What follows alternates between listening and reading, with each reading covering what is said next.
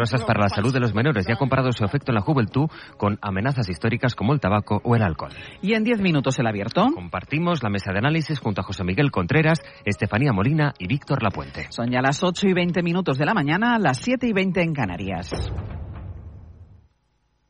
Cadena Ser Catalunya. Cultura a un clic. Esports a un clic. Actualitat Tot allò que has de saber a aquesta a un clic. Entreteniment a un clic. Torna a escoltar. Torna a escoltar. O descobreix contingut exclusiu al web de Ser Catalunya. sercatalunya.cat Allà on vagis, Ser Catalunya t'acompanya. Escolta Ser Catalunya en directe des de qualsevol lloc amb l'aplicació de la cadena Ser. Ser Catalunya. Som a tot arreu. Som al teu costat. Descarrega't l'app de la SER i busca Ser Catalunya.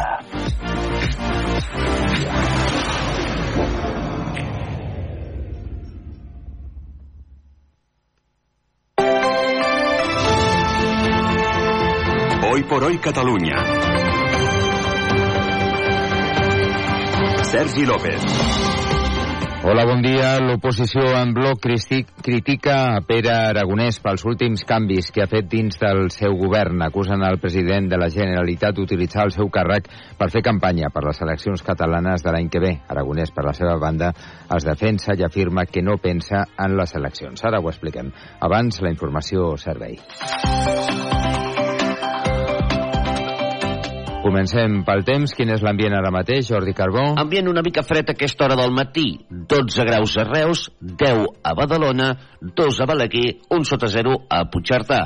També al matí, boira a l'interior, més persistent cap al Pla de Lleida, als llocs on aguanti més hores, l'ambient es mantindrà fred, però en canvi en el conjunt de Catalunya farà sol eh, pràcticament eh, durant tot el dia, portant les temperatures màximes a valors de 20 a 25 graus, és a dir, que el sol l'ambient una mica càlid. Arran de costa sorgiran estones alguns núvols o bancs de boira que quan es presentin refrescaran l'ambient. Els propers dies, temps semblant.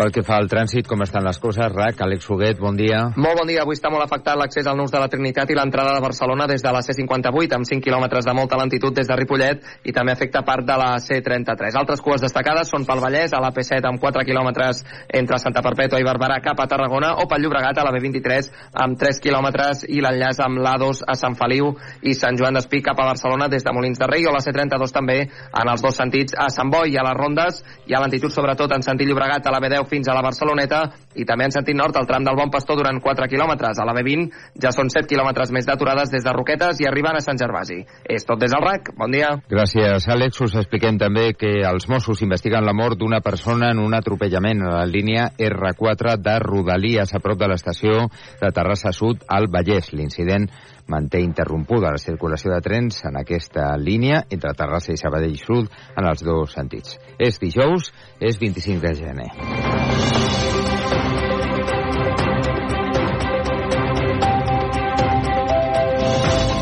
Carles Couso, bon dia. Hola, bon dia, Sergi. Ara sí, hola, bon dia, Sergi. Bon dia. L'oposició acusa a Pere Aragonès d'utilitzar la presidència de la Generalitat per activar la campanya cap a les properes eleccions. Un d'ells, l'ascens de Sergi Sabrià com a viceconseller, ha centrat les primeres crítiques i els comuns ja han demanat la compareixença al Parlament. Què volen concretament els comuns, Xavier Balló? Els comuns han sigut els primers en moure fitxa demanant que expliqui el nou càrrec de qui fins ara era cap de l'oficina del president David Cid en declaracions a Ser Catalunya. que compareguin al Parlament i expliqui si el que acabarà passant és que entre tots i totes els catalans pagarem el comitè de campanya d'Esquerra Republicana. De fet, tots els partits han coincidit en que Aragonès ha fet un moviment en clau electoral des del PSC Salvador Illa o des de Junts Albert Batet. Quan algú, essent president, és nomenat candidat i força l'ascens del seu director de campanya, és que està en moda electoral. Que el respecte i el prestigi de les institucions també és no utilitzar-les amb interessos de partit. El president Aragonès ha insistit, però, que no pensa en eleccions I s'ha de treballar fins al darrer dia. que allargarà el mandat fins al febrer de l'any que ve. I ara us parlem del nou episodi de la causa judicial judicial del tsunami democràtic. L'advocat de Carles Puigdemont, Gonzalo Boyer, demana que es declari la nulitat de les actuacions. El lletrat denuncia que la instrucció, que va començar el 2019, s'ha anat prorrogant de forma irregular. Què més en sabem, Martí Rodríguez? En un escrit enviat a l'Audiència Nacional, que és qui investiga la causa a l'espera de saber si se la quedarà el Tribunal Suprem, Boyer exposa que la investigació es va obrir l'octubre de 2019 arran de les protestes contra la sentència del procés i que el 29 de juliol de 2021 era el termini màxim per investigar. L'Audiència Nacional va dictar una pròrroga de la investigació, però ho va fer un dia després, el 30 de juliol, i això, a parer de Boyer, fa que tota la causa sigui nula. L'advocat també critica que la causa hagi estat parada durant 4 anys i s'hagi reactivat quan ha arribat un pacte per l'amnistia. Ara l'Audiència Nacional haurà de decidir si accepta aquesta petició de nulitat.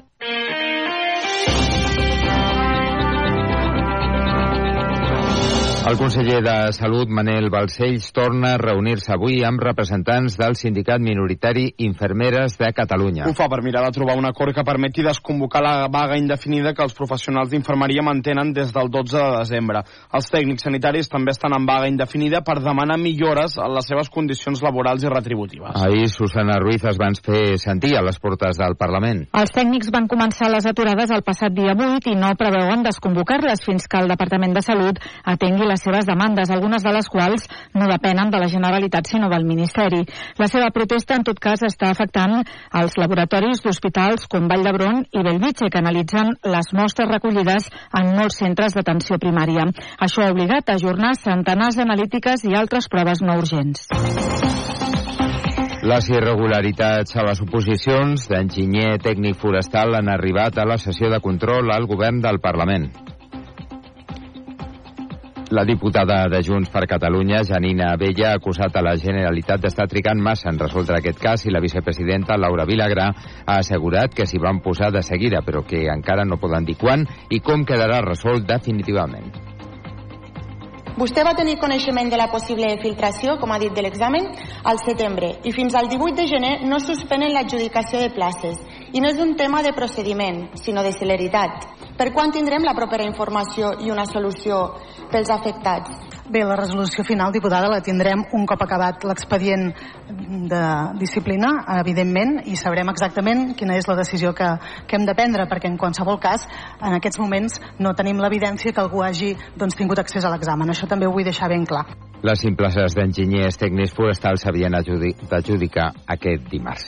Més coses. Barcelona ha presentat la primera obra municipal que es fa amb maquinària elèctrica. És la millora dels jardins de les Tres Xemenelles al barri del Poble Coplasec. Aquest és el so dels treballs. L'Ajuntament diu que l'objectiu és que el 2030 la meitat de les obres impulsades des del consistori es facin amb maquinària sense emissions. Mònica Peinado. En l'actuació per millorar els jardins de les tres xemeneies només s'ha utilitzat maquinària convencional en moments puntuals per fer actuacions per les que no existeix encara alternativa elèctrica. L'enginyer en cap de l'Ajuntament, Oriol Altisenc, ha explicat que la maquinària elèctrica genera la meitat del soroll que la dièsel, un terç d'emissions de CO2 i una setena part de consum energètic. Les emissions, allò, reducció important, reducció del cost, reducció del, del consum, i per tant en la bona direcció del que han de ser les ciutats a nivell europeu i a nivell, a nivell mundial. L'objectiu de l'Ajuntament és que l'any 2030 la meitat de les obres municipals es facin amb maquinària elèctrica. Un jutge de Barcelona ha arxivat la causa que tenia oberta contra dos dibuixants de la revista Mongòlia per una vinyeta en la que feien sàtira del nen Jesús. El magistrat assegura que el dibuix era una crítica que queda emparada per la llibertat d'expressió. L'origen de la causa va ser la portada del número nadalenc de Mongòlia el desembre de 2020. La vinyeta mostrava un pessebre en què el nen Jesús apareixia dibuixat en forma de l'emoticona d'una caca i l'acompanyava d'un text que deia ja ha nascut el fill de Déu, ha sortit ben igual que el seu pare. Esports, el Barça cau eliminat als quarts de final de la Copa del Rei després de perdre 4-2 a la pròrroga al camp de l'Atlètic de Bilbao. Sí, Xavi ha admès que després d'aquesta derrota la seva posició al capdavant del vestidor queda tocada. Si no estamos al nivel de competitividad a final de temporada, pues lo normal es que tenga que marchar, pero como todos los entrenadores. Y me van a exigir eh, títulos o por lo menos competirlos. Hoy lo hemos competido, pero cuando no ganas, pues el entrenador queda, queda señalado. I qui tampoc no va ser capaç de superar l'eliminatòria va ser el Girona, Nil Solà. El Girona va caure ahir a la nit de la Copa del Rei. El somni dels gironins d'arribar a les semifinals es va estroncar amb la derrota per 3 gols a 2 al Camp Nou Mallorca. Una primera meitat nefasta per part dels de Mitchell que van arribar al descans perdent per 3 gols a 0 amb un gol de Kyle Larin i un doblet de Don Prats. Els gironins ho van intentar a la segona, van retallar distàncies mitjançant un gol d'Estuani de penal i Savio, a falta de dos minuts pel final, va posar el 3 a 2, però malgrat ho van intentar no van aconseguir enviar el partit a la pròrroga s'acaba el somni dels gironins que no passen d'aquests quarts de final ara toca centrar-se a la Lliga on de moment continuen líders una jornada més doncs només ens queda desitjar-vos que tingueu molt bon dijous i que si voleu continuar informats a sercatalunya.cat teniu totes les dades actualitzades. Dos quarts de nou.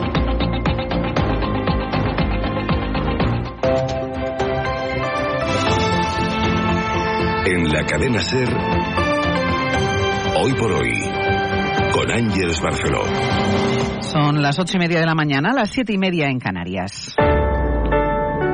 CaixaBank patrocina este espacio. Tiempo para el análisis, tiempo para el abierto en esta mañana de jueves que prevé temperaturas altas. Bueno, no sé si dónde está Víctor Lapuente también. Víctor, buenos días. Muy buenos días, ya tenemos temperaturas sobre cero ya. Ya te- Guau. pues eso, ya, ¿qué más quieres? No Qué te, que- no te- agobio, qué qué agobio. José Miguel Contreras, buenos Buenos días. días. Y Estefanía Molina, muy buenos días. Muy buenos días. Eh, vamos a arrancar este abierto. Eh, quiero hablar de inmigración porque todo lo que tiene que ver con la inmigración es así como un rumor constante eh, que va mm, sobrevolando o que se oye de fondo, ¿no? En, eh, cuando hablamos de política nacional, cuando hablamos de política internacional, porque estamos viendo muchos movimientos de algunos países, de algunos partidos políticos de algunos países con el tema de, la inmigración. Y quería traerlo hoy al abierto, primero, eh, por la noticia con la que abre